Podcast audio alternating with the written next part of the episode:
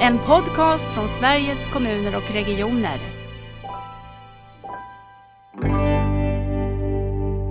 Det på något sätt, risken som jag ser det, det är ju att man, att man öppnar upp en massa dörrar utan att stänga andra dörrar. Att det blir otydligt och att det blir plottrigt för, för vårdpersonalen att hålla reda på.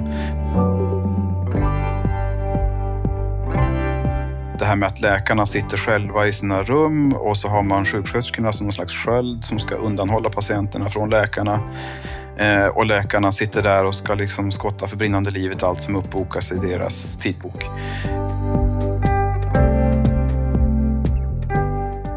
Eh, idag ska vi träffa en person eh, som Nära vårdpodden kom i kontakt med via en av era lyssnare och det tycker jag är särskilt roligt. Och det är Mattias Sjöberg som är verksamhetschef på Follhagens vårdcentral i Uppsala. Vi kommer få ta del av tankar om hur vårdcentralens roll eh, kan vara i utvecklingen av den nära vården. Och Follhagen kommer också vara en av de eh, första vårdcentralerna i landet som inför 1177 direkt. Så välkommen till Nära vårdpodden, Mattias Sjöberg. Tack så jättemycket. Mycket trevligt att vara här. Hur känns det att vara ett lyssnartips?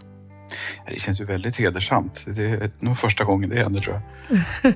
ja, men det är jätteroligt. Det är verkligen så att eh, då, då har man något intressant att berätta när någon har lyssnat eller någon har sett något och tycker att det här behöver också andra få höra. Så det får du ha med dig under samtalet. Men berätta för oss som eh, lyssnar vem du är och vad du sysslar med och brinner för. Ja, jag är alltså distriktsläkare i grunden och har varit specialist sedan 2009. Har gjort eh, min specialisttjänstgöring i Västerbotten och i Uppsala. Ehm, och har då sedan 2014 jobbat på Fårlagens vårdcentral först som, som eh, distriktsläkare och sen, sen ett och ett halvt år tillbaka som verksamhetschef också. Mm. Jag brinner väldigt mycket för de här eh, nära vårdfrågorna och, och överhuvudtaget det här med att, att stärka upp eh, primärvården i bred bemärkelse eh, framöver. Jag tror helhjärtat på att det är det som kommer att tjäna befolkningen bäst. Mm. Det måste vi ta direkt efter. Du ska bara få berätta vad du gör när du inte är verksamhetschef och, och läkare. Vad använder du övrig tid i livet till? Ja, utöver förstås familjeliv och sånt där som eh, är väl kanske det mesta i övrigt så, så eh, sjunger jag i kör i domkyrkan här i Uppsala och, och komponerar körmusik så mycket jag någonsin hinner. Wow! Och var, när du komponerar den, eh, är det också uppsättningar som du kan ha med till din kör? Eller? Ja, precis. Det är för mm. olika körer i domkyrkan framför allt. Mm.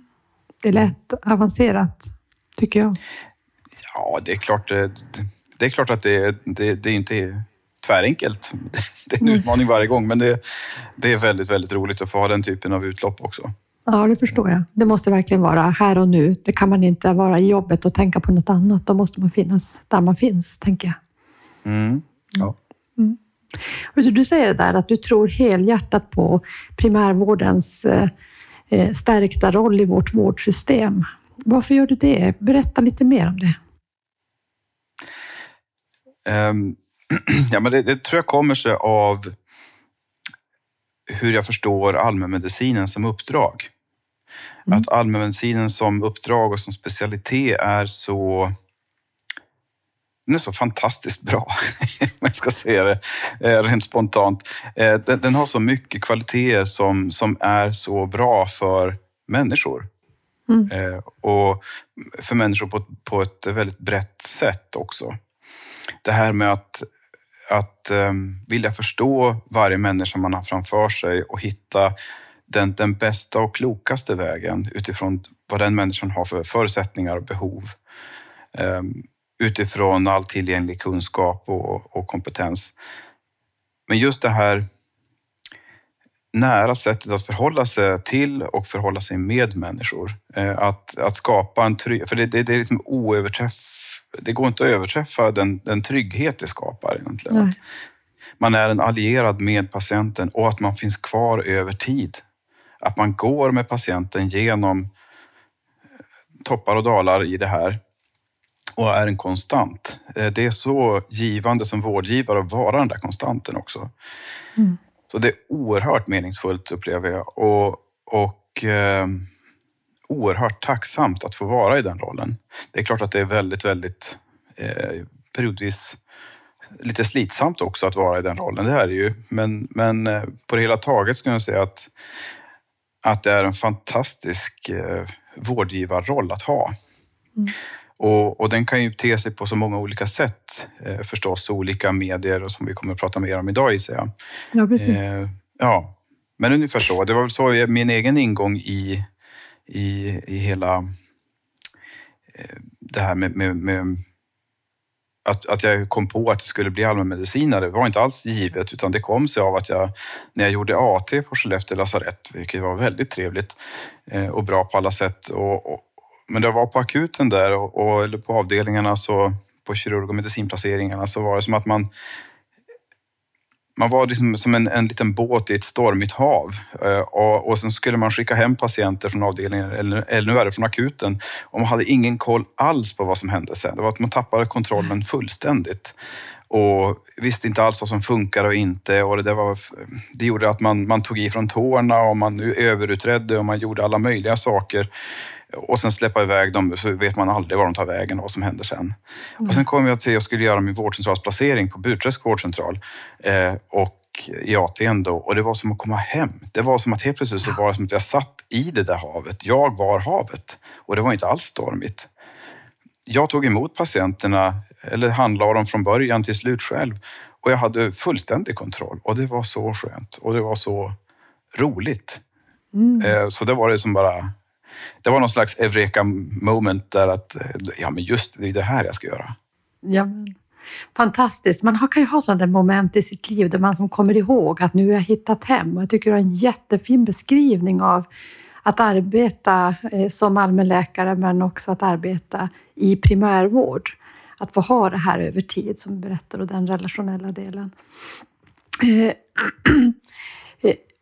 och det, nu tappar jag det jag skulle fråga dig om, för, för mitt i det där, jo, jag skulle fråga dig om att du upplever inte det ensamt då? För du vet att när jag kom från, jag är sjuksköterska till min profession, men när jag kom från eh, slutenvården och blev chef i primärvården så kunde jag också tycka att eh, i alla fall där jag jobbade så var det ganska mycket ensamarbete, att man hittade inte riktigt varandra i arbetet. Nu är det här ganska många år sedan, men det känner, har du aldrig känt, det här att vara ny och ung och komma där och vara mitt i, inte vara lilla båten på havet, utan vara där tillsammans med, med blåsten och eh, det var inte så blåsigt kanske. Att vara ensam med det?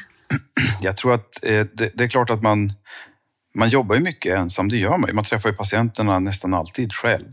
Mm. Eh, och eh, så att till en del så tror jag man måste gilla det. Man måste mm gilla att, att uh, tänka själv uh, och, och, stå för det hela själv. Och samtidigt så har jag burit med mig ända från början och verkligen medvetet jobbat för ända till denna dag att stärka uh, det gemensamma arbetet. För det är också en sån här viktig sak för mig, att jag tror att, att vi har byggt primärvården lite grann fel på flera mm. sätt i Sverige och att ett av de felen är att vi har isolerat oss från varandra, vi som jobbar. Precis. Eh, att det här med att läkarna sitter själva i sina rum och så har man sjuksköterskorna som någon slags sköld som ska undanhålla patienterna från läkarna. Eh, och läkarna sitter där och ska liksom skotta för brinnande livet allt som uppbokas i deras tidbok. Mm. Eh, och det där är, inget, det är ingen bra lösning för patienterna och det är ingen bra lösning för personalen heller. Nej, så att vi, vi jobbar här på Fålhagen mycket för det här att försöka stärka hela, hela tiden interaktionen mellan inte minst sjuksköterskor och läkare. Att jobba ihop och tänka tillsammans, lösa problem tillsammans. Och det har ju sett eh, väldigt fina, eh, fantastiska resultat på och, förebilder i till exempel Bornholm och andra som har gått före. Mm. Borgholm jag, förlåt, inte Bornholm. Ja, Borgholm förstås mm. på Öland. Och andra som har provat liknande koncept och vi har gjort det här också. Det är väldigt bra. Precis, du sätter ord på det som jag tycker att jag kände när jag kom till primärvården där som chef. Att just det här att vi satt i egna, på något sätt varsitt rum och vi var väldigt isolerade. Men om du berättar lite mer om ert arbetssätt, om hur får du till det där då? Den här lite tajtare relationen mellan sjuksköterskan och läkaren och, och teamet i stort kanske? Ja, vi gjorde ett försök 2019 var det väl, eh, på våren, eh, då vi hade Eh, jag, gjorde, jag gick en, en kurs i kvalitetsarbete och utveckling eh, här internt på Region Uppsala och eh, då skulle vi göra ett litet försök och då valde jag tillsammans med ST-läkarna här på vårdcentralen att, att göra eh, något som vi kallade för teamrond som vi hade hört att andra hade provat lite grann och vi tyckte det lät så spännande. Så det gjorde vi att vi hade då jag plus ST-läkarna som var försöksgrupp och sen var resten av de andra läkarna kontrollgrupp och sen så vi som var i försöksgruppen eh, rondade tillsammans med sköterskorna alla inkommande ärenden som var tänkta att det här kanske kunde vara behov av ett besök, icke akuta besök. Mm. Och med hjälp av det här kunde vi då, tillsammans med sköterskorna handlägga de här patienterna, patientärendena som inkom och i en tredjedel av fallen så behövde det inte bli ett läkarbesök alls utan kunde bli någon annan som fick träffa patienten. I en tredjedel kunde vi handlägga samma dag och lösa på telefon. Eh, samma dag som patienten hört av sig eller dagen efter beroende på när ronden låg. Och en tredjedel blev besök. Mm. Som då jag som läkare kunde styra, men det här besöket behöver vi ha här. Så jag fick kontroll över tidboken. Eh, de här besöken var ju egentligen redan påbörjade för jag hade redan minst, minst halva anamnesen redan. Vi kunde provbehandla eller provta inför besök riktat. Så det var otroligt mycket bättre besök och vi kunde få ner väntetiderna till de här besöken från fem veckor till elva dagar på en månad. Mm.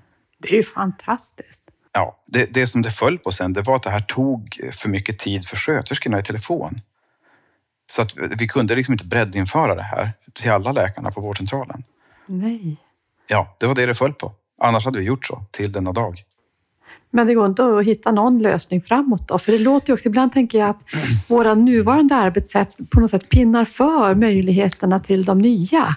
Och det där är så Precis. svårt att komma igenom. Ja, men det är ju det. Det är ju det. Och, och vi, det vi har gjort sen är att vi har försökt hitta med gemensamma konsultationstider, men det har väl inte funkat så det jättebra. Det blir lätt att man sitter för mycket i, i sin egen låda och gräver på bara. Mm. Men, men ehm, det vi sen sedermera har arbetat fram det är en modell vi kallar för frågedoktor. Så att den, som är, den läkare som är, som är eh, jour för respektive eftermiddag är eh, också frågedoktor och har eh, liksom flera timmar obokad tid. Där han eller hon är fullständigt tillgänglig för frågor momentant för sjuksköterskorna så de alltid kan gå och fråga. Och den doktorn har alltid prioritet, oavsett vad den gör, alltid prioriterat att svara på sköterskornas frågor och hjälpa dem att lösa problem. Mm. Eh, och det här är jätteuppskattat av alla. Eh, så det är väldigt, väldigt bra. Det förstår jag. Än att försöka sticka in handen och säga någonting eller nosen mellan patienterna där i läkarens rum. Ja, kunna få en struktur på det. Jag har en, ett utrymme för någon slags agilt eh, lösningsorienterat arbetssätt. Mm. Mm. Berätta lite grann om, om heter det Fålhagen? Fålhagen. Ja, Fålhagen. Berätta om vad, vad är det för vårdcentral? Hur ser den ut? Hur, hur stor är den och så, så vi får en bild. Ja, Fålhagens vårdcentral är en del av nära vård och hälsa då i den som är den offentligt drivna primärvården i Region Uppsala. Mm. Och eh, vi ligger så centralt man nästan kan ligga i stan. Här vi ligger precis bredvid järnvägsstationen mm. i eh, nybyggda hus här. Så det är väldigt fräscha lokaler som vi varit i sedan 2016 och eh, det är en vårdcentral med ungefär 32 anställda och vi har 10 200 listare och vi är fullbemannade.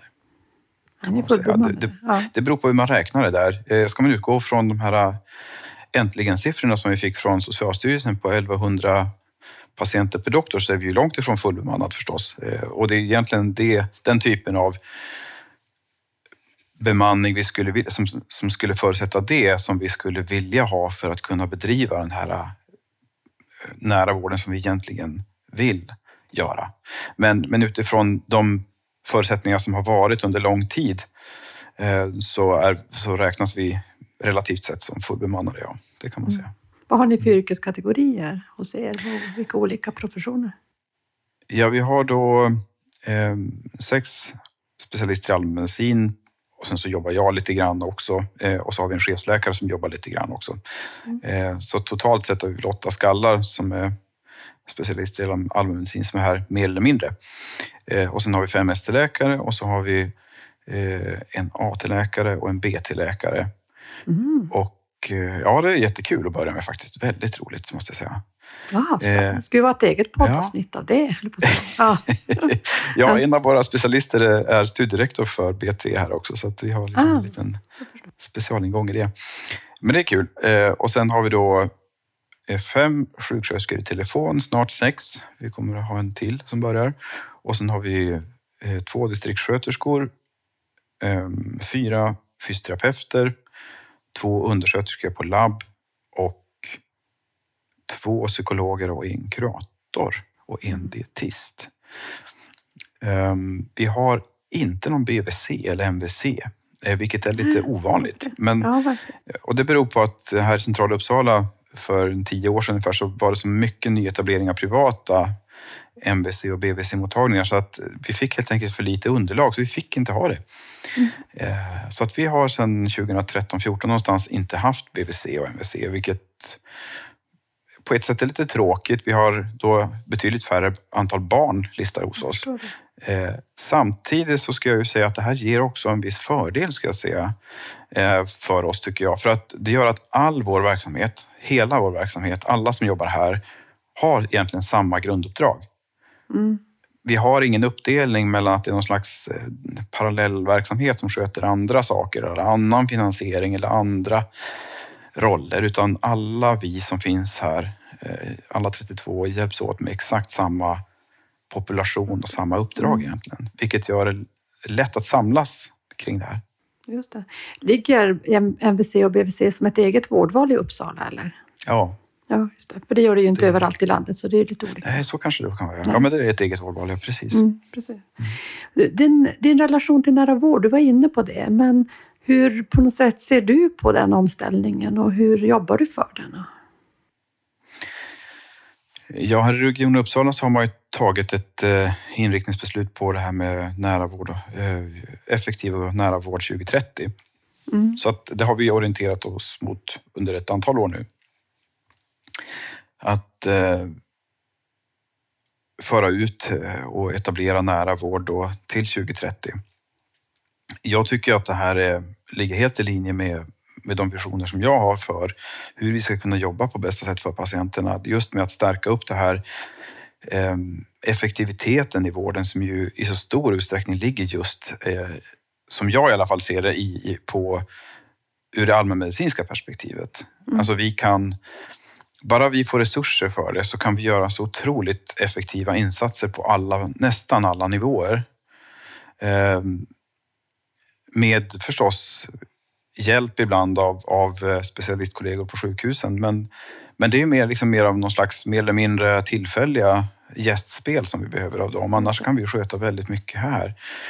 Ehm, och ja, jag tror benhårt på att det är den här vägen som vi behöver gå och som jag ser som till väldigt, väldigt stor hjälp för, för invånarna. För jag tror att det är de vet inte, för de är också lite grann uppskolade med att det ska vara en väldigt sjukhustung vård så att man tänker att det är dit man ska vända sig.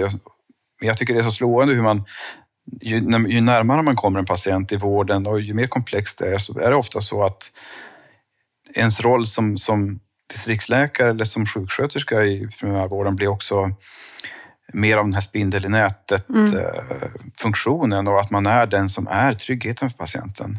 Det är så Verkligen. väldigt tydligt. Och jag har varit engagerad eh, på, i primärvården i stort här också kring eh, uppbyggnaden av eh, vårdcentrum lite grann. Som, ja, sitta med lite grann i sådana grupper och vara med.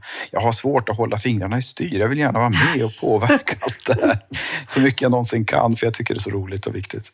Jag tror du sa det någon gång, eller att in, inför det här att det var därför också du blev chef, för det har vi inte pratat om. Varför blev du chef? Ja, precis. Nej, och det är det, syltburken där, eller? det är syltburken. Ja, men visst är det ju det. För jag hade ju aldrig tänkt bli chef. Nej. Det var ju det bästa jag visste var att jobba med patienter. Det var ju det jag vill göra. Ja. Eh, Men jag har varit engagerad. Jag har varit processledare för Astma Cool också här i regionen i eh, ja, åtta år, något sånt där tidigare. Så att eh,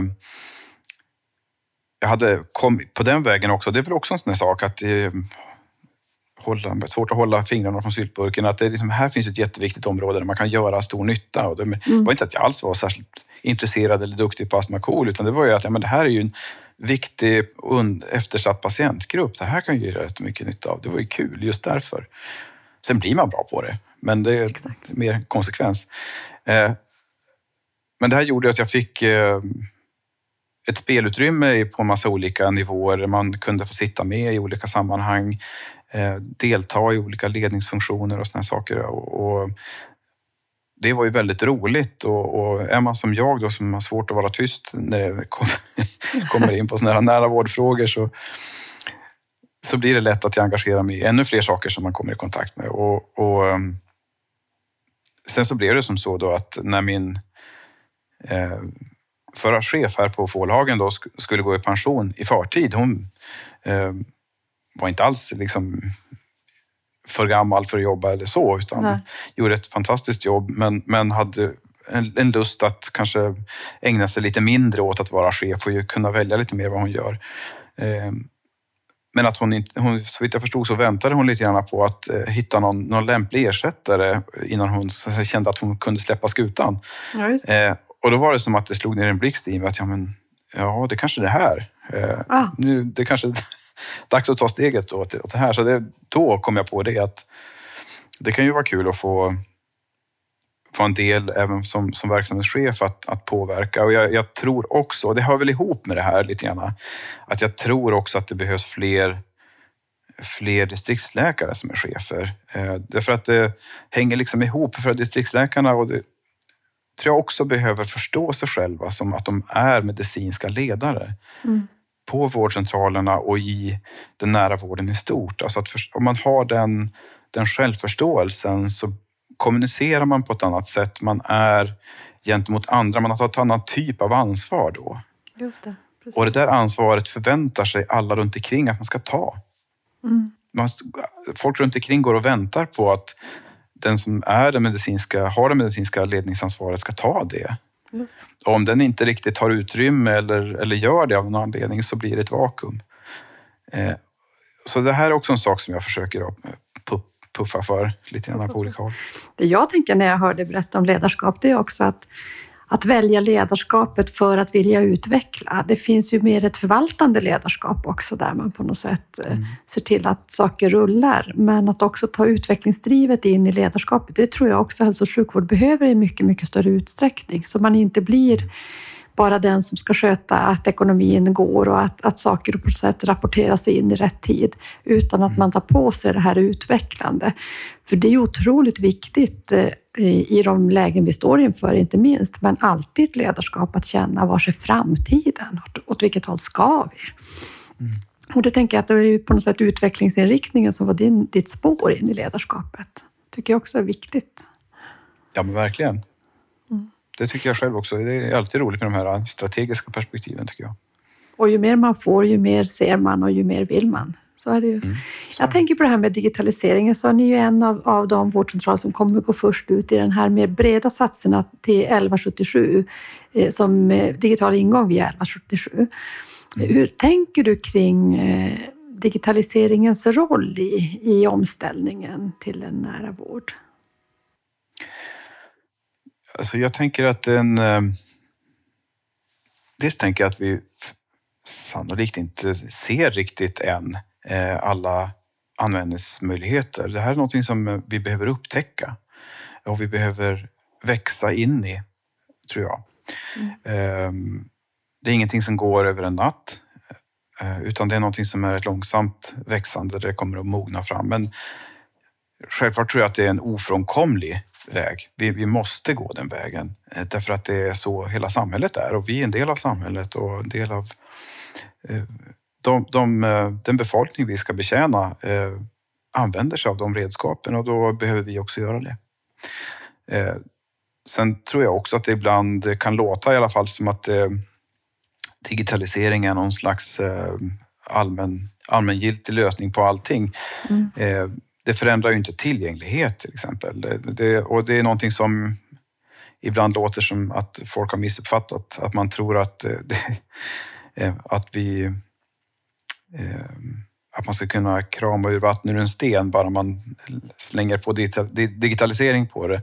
Mhm, Eh, och så är det ju förstås inte. Ja, men det kan ju låta så lite ibland tycker jag, Ja. att eh, digitalisering är någon slags lösning på saker och ting. Där, Mm. eh, jag ser det inte riktigt så. Jag ser det snarare som att det är våra arbetssätt i kombination med, med en, en rätt byggd struktur och resursfördelning som är, som är lösningen. Men, men till de här arbetssätten så behöver vi ha digitala arbetssätt Just det. eh, för, för att vara effektiva också. För jag tänkte på det där med tillgänglighet, för jag tycker att det beror också på vad man eh, tänker att tillgänglighet är. För jag har nog börjat landa i mycket mer att tillgänglighet handlar så väldigt mycket om det du var inne på från början, den här tryggheten. Alltså känslan av att något finns tillgängligt snarare än de här tiderna vi mäter, nollan och trean och vad de heter. Eh, och då tänker jag kanske att känslan av att jag har en ingång som inte bara är telefon där någon säger att vi ringer upp dig och kanske har vi en tid för din ditt problem skulle kunna skapa, om vi hittade, använder tekniken rätt, skulle kunna skapa en, en större känsla av att det finns en ingång någonstans. Och det skulle kunna tänkas vara tillgängligt, för mig i alla fall. Jag tror att många upplever det väldigt slutet. Eh, öppna vården är väldigt sluten, var det någon som sa en gång. Och den slutna vården, den är öppen. Det är dit, dit vi far på Dygnet runt. akutmottagningen dygnet runt. Eh, Ja, ja men precis. Vad tänker du kring det där? Ja. Ja, eh, jo, men alltså jag tänker att det... Ja, men jag tänker det hänger ihop med hur vi har byggt den nära vården eller primärvården i Sverige historiskt.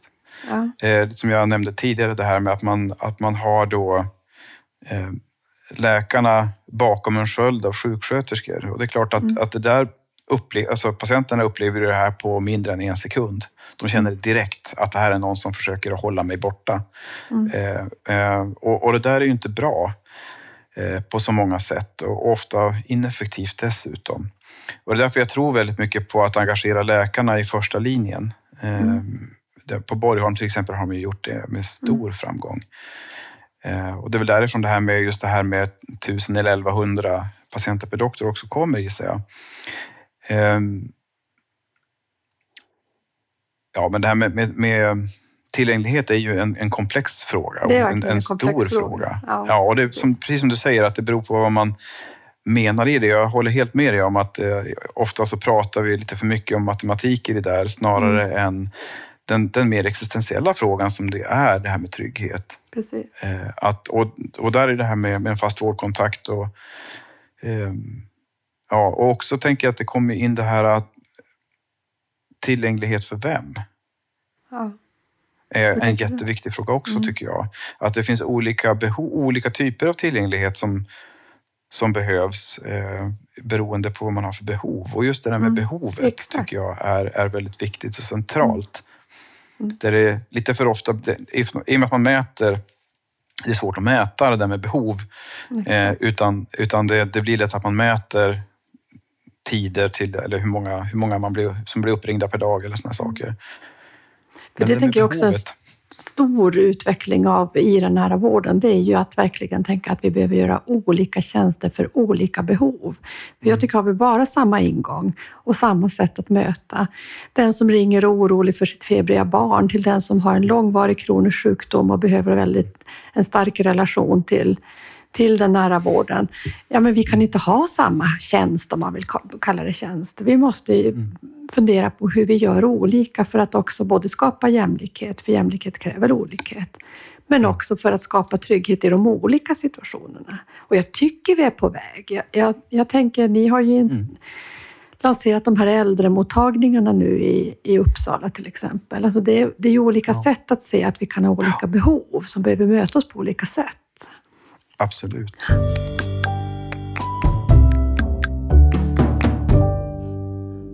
Men om man tänker mer med digitaliseringen, hur har du kommit i kontakt? Om du berättar lite grann innan vi kommer in på det här med 1177 direkt och så. Vad, Mm. vad är dina erfarenheter av att jobba med digitalisering i primärvård? Eh, Ja, vi, jag vet inte, räknas videobesök som digitalisering för det första? Fråga inte mig, men det skulle jag säga. Ja, det, Ja, det är vi säkert en glidande. Ja, Ja. precis. Vi, vi var på Fårlagen så, så pilotade vi videobesök i primärvården i, i Region Uppsala i alla fall då. Och det var väl 2017 eller något sånt där eh, som vi började med det. Men det blev ju väldigt, det var ju först med pandemin som det egentligen slog igenom. Mm. Då, då behoven återigen då uppstod av att kunna mötas på andra sätt. Ehm, nu har det minskat det igen då, för nu återgår vi till ett annat, ett, ett, återigen ett annat sätt att träffa patienter. Men annars så har vi då här på Fårlagen och eh, jag menar hela det här med 1177 eh, på nätet då, eh, det som vi har idag använder vi väldigt, eh, väldigt mycket och, och inte bara sjuksköterskan utan även inte minst läkarna gör det också, att man är inne där och, och kommunicerar med patienter, eh, tar ärenden, ärendena fördelas så att varje läkare har en avsatt tid varje dag för att hantera ärenden där. Så att det jobbas ganska mycket digitalt ska jag säga redan idag för oss. Eh, och det är ofta Har ni ett väldigt större effektivt. inflöde idag? Ser ni att eh, det här är också en väg som vad ska jag säga, patienterna, invånarna hittar till med? För det kommer ju också ta ett tag att förstå vart är det jag kan få mina kontakter. Vården är inte superbra på att säga att eh, alla de här vägarna har du, utan oftast är det ju den motsatt känsla man kan ha som invånare. Men du säger att det finns ett ökad eh, Ja, det tillströmning. ökar hela tiden. Det ökar hela Ja. tiden. Ja. Eh, Det värsta är att telefonen minskar inte i samma omsträckning, men det, eller utsträckning. Men det, mm. men det ökar, ja. Det, gör det. Ja. Det, är också uppskattat av, Ja. det är uppskattat av, av läkarna eh, att använda det. Ehm, det är ju det är ett väldigt enkelt sätt att kommunicera på och eh, tar ofta mindre tid än att ringa till exempel. Och, och så. Vad kan det vara för ärenden som du får in där en vanlig dag? Vad, vad hör patienterna av sig om? För det är någon typ av, man skriver i, i sin meddelandefunktion gissar jag. Man kan skri- Ja. trycka ett meddelande. Mm. Ja, det kan vara receptförnyelser förstås, mycket Mm. sånt. Mm. Eh, Men det är också mycket frågor kring alla möjliga saker. Det kan vara mm, att man har eh, det kan ju vara nytillkomna besvär förstås, men, men det är väl vanligare ska jag säga att det är någonting som är en del i en redan pågående kontakt. Eh, att man har träffats för någonting och sen så, eh, eller att en, en patient som man känner sedan länge, eh, som kanske har ett relativt nytt besvär och som skriver den en fråga helt enkelt istället för att ringa. Mm. Eh, Men ofta kan det ju handla om att man eh, rapport, patienterna hör av sig och rapporterar in blodtrycksvärden till exempel som man har tagit hemma och så kan man då besvara den vägen. Eh, Eller att man, man kanske har problem med sina smärtstillande eller något som inte fungerar eller att eh, ja, det kan vara alla möjliga höga och låga frågor i det där. Men det, de tittas alltid på av en sjuksköterska först innan det fördelas så att det inte är någonting som är eh, akut och som behöver handläggas Ja, det. omedelbart på annat sätt. Ja. Fördelas det också till andra? Fysioterapeuterna, ni hade ju ganska, ni har flera stycken som jobbar hos er. Får de också Ja. ärenden så? Eller? Mm. Ehm, inte lika stor utsträckning, nej, men det, det har Ja. jag tänkt att vi ska bredda det här nu när vi går in i 1177 direkt. Då behöver vi plocka in fler kompetenser i det här. Mm. Berätta om 1177 direkt, för de som inte vet. Vad är det för någonting? Ja, du, jag önskar att jag visste mer om det själv känns det som. Berätta det du vet. Det, det kanske du vet mer om. Men, men, eh, nej, men det är en, eh, en nationell plattform som kommer att införas eh, över hela landet, alltså parallellt i början på mars.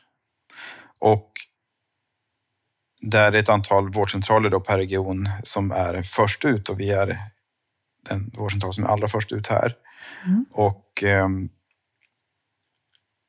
som då kommer gå, det, kommer, det är en helt ny, man ska säga triageringsplattform, eh, ett svårt ord kanske, men det, det, det är alltså en, en um, formulärtjänst kan man säga. Att I dagens 1177 så kan man ju skriva in en fråga, man ställer en fråga så skickar man in, det är som en mailfunktion nästan.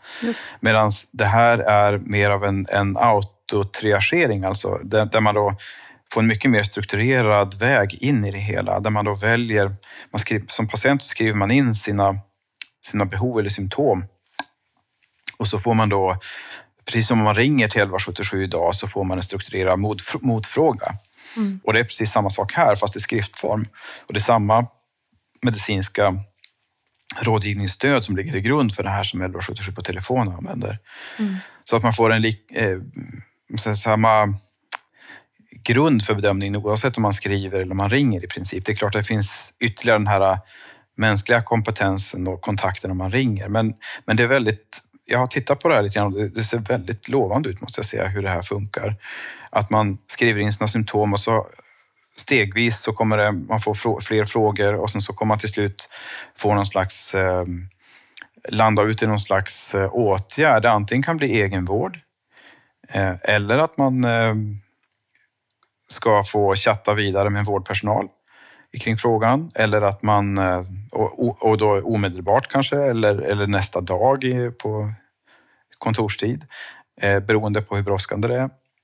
Eller att man eh, blir hänvisad till akuten eller ringa 112 beroende på vad det är man skriver. Skriver man att man har bröstsmärta då kommer man få det rådet till exempel. Ehm, så det beror helt på, men det finns ett antal olika utfall i det här då. Mm.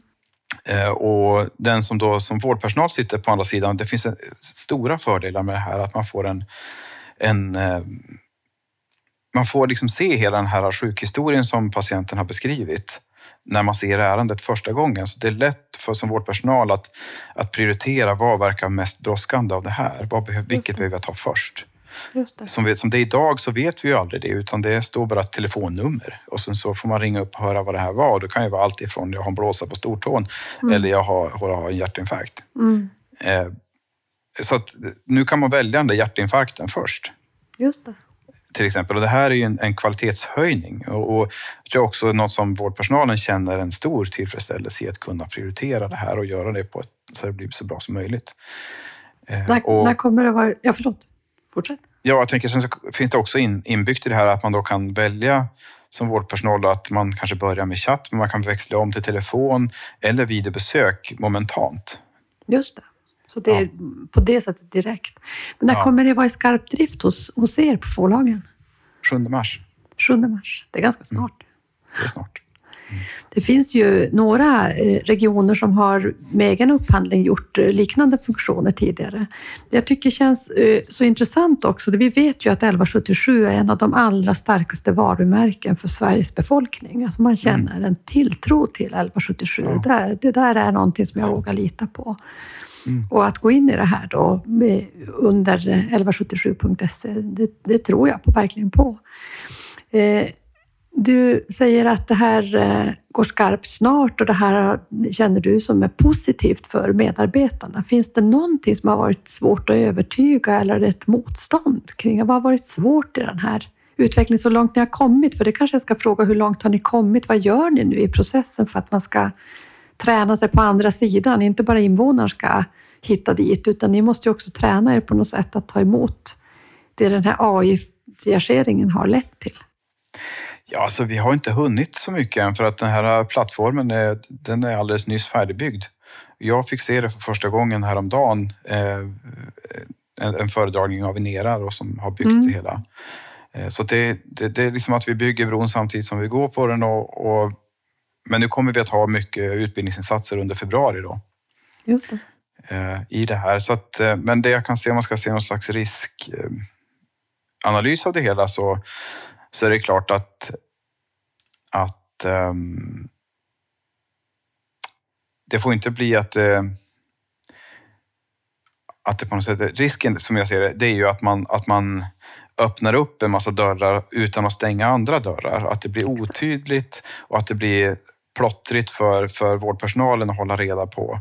Man kanske måste liksom vittja många, många olika inkorgar och ha, det blir liksom svåröverskådligt och svårjobbat då. Så att det, men det, det tror jag att det, det budskapet har gått fram och att vi ska få stänga vissa funktioner i nuvarande 1177 då, Mm. till exempel boka tid eller här saker. Att, att eh, vi kan stänga vissa, vissa dörrar när vi öppnar andra. Och det tror jag Mm. också är viktigt för att få flödena rätt. För att om vi inte gör det så kommer ju folk att i större utsträckning tror jag, använda de redan kända dörrarna. Just det, precis. Mm. För det, där tänker jag, det är ju också en stor utmaning i utvecklingsarbete i stort. Att det är lätt att hitta saker som man går igång på och vill göra. Det är mycket svårare att på riktigt ändra arbetssätten, att också, också sluta göra saker som man kanske har gjort under otroligt lång tid. Finns det analoga dörrar i, i ert arbetssätt som behöver stängas också nu, om du förstår vad jag menar? Inte bara inkorgar, utan finns det andra delar i arbetssätten som du tänker kommer att behöva förändras eller förändras i och med att ni ni hittar en annan ingång till invånarna? Alltså, telefon till exempel måste vi ha öppet ändå förstås, utan, så mm. det kommer vi inte ändra någonting. Det kommer komma ett tillval, eh, knappval där man, där man kan trycka då, eh, när man ringer till vårdcentralen om att om man vill då chatta med, med och ingå den här vägen då på 1177 direkt så kan man trycka då ett knappval och då får man en länk till det här på sms. Just det. Så det, det, är en sak som kommer till, men vi kommer ju inte att stänga telefon på något sätt, utan det kommer finnas kvar precis som vanligt. Um, jag tycker det är svårt, eh, lite som jag sa i början, alltså, att jag, jag tycker det är... Um, jag, jag, förhåller mig lite grann eh, försiktigt i det här ändå, för att jag, jag, tänker att vi vet så lite om vad det här kommer att innebära för oss. Jag, jag förutsätter att vi kommer kunna hitta bra användningsområden för det här och är det mm. så att vi upptäcker nackdelar så får vi hantera det. Men, mm. men, men jag tänker ändå att vi behöver fortfarande ha ganska öppet sinne för vad det här kommer att Exakt. skapa för möjligheter för oss. Och det, det litar jag helt på mina fantastiska medarbetare som är väldigt eh, nyfikna, kreativa och eh, orädda. Eh, och de kommer, jag litar helt på att de kommer att vara mycket skarpare på att hitta lösningar än vad jag är på det där. Mm.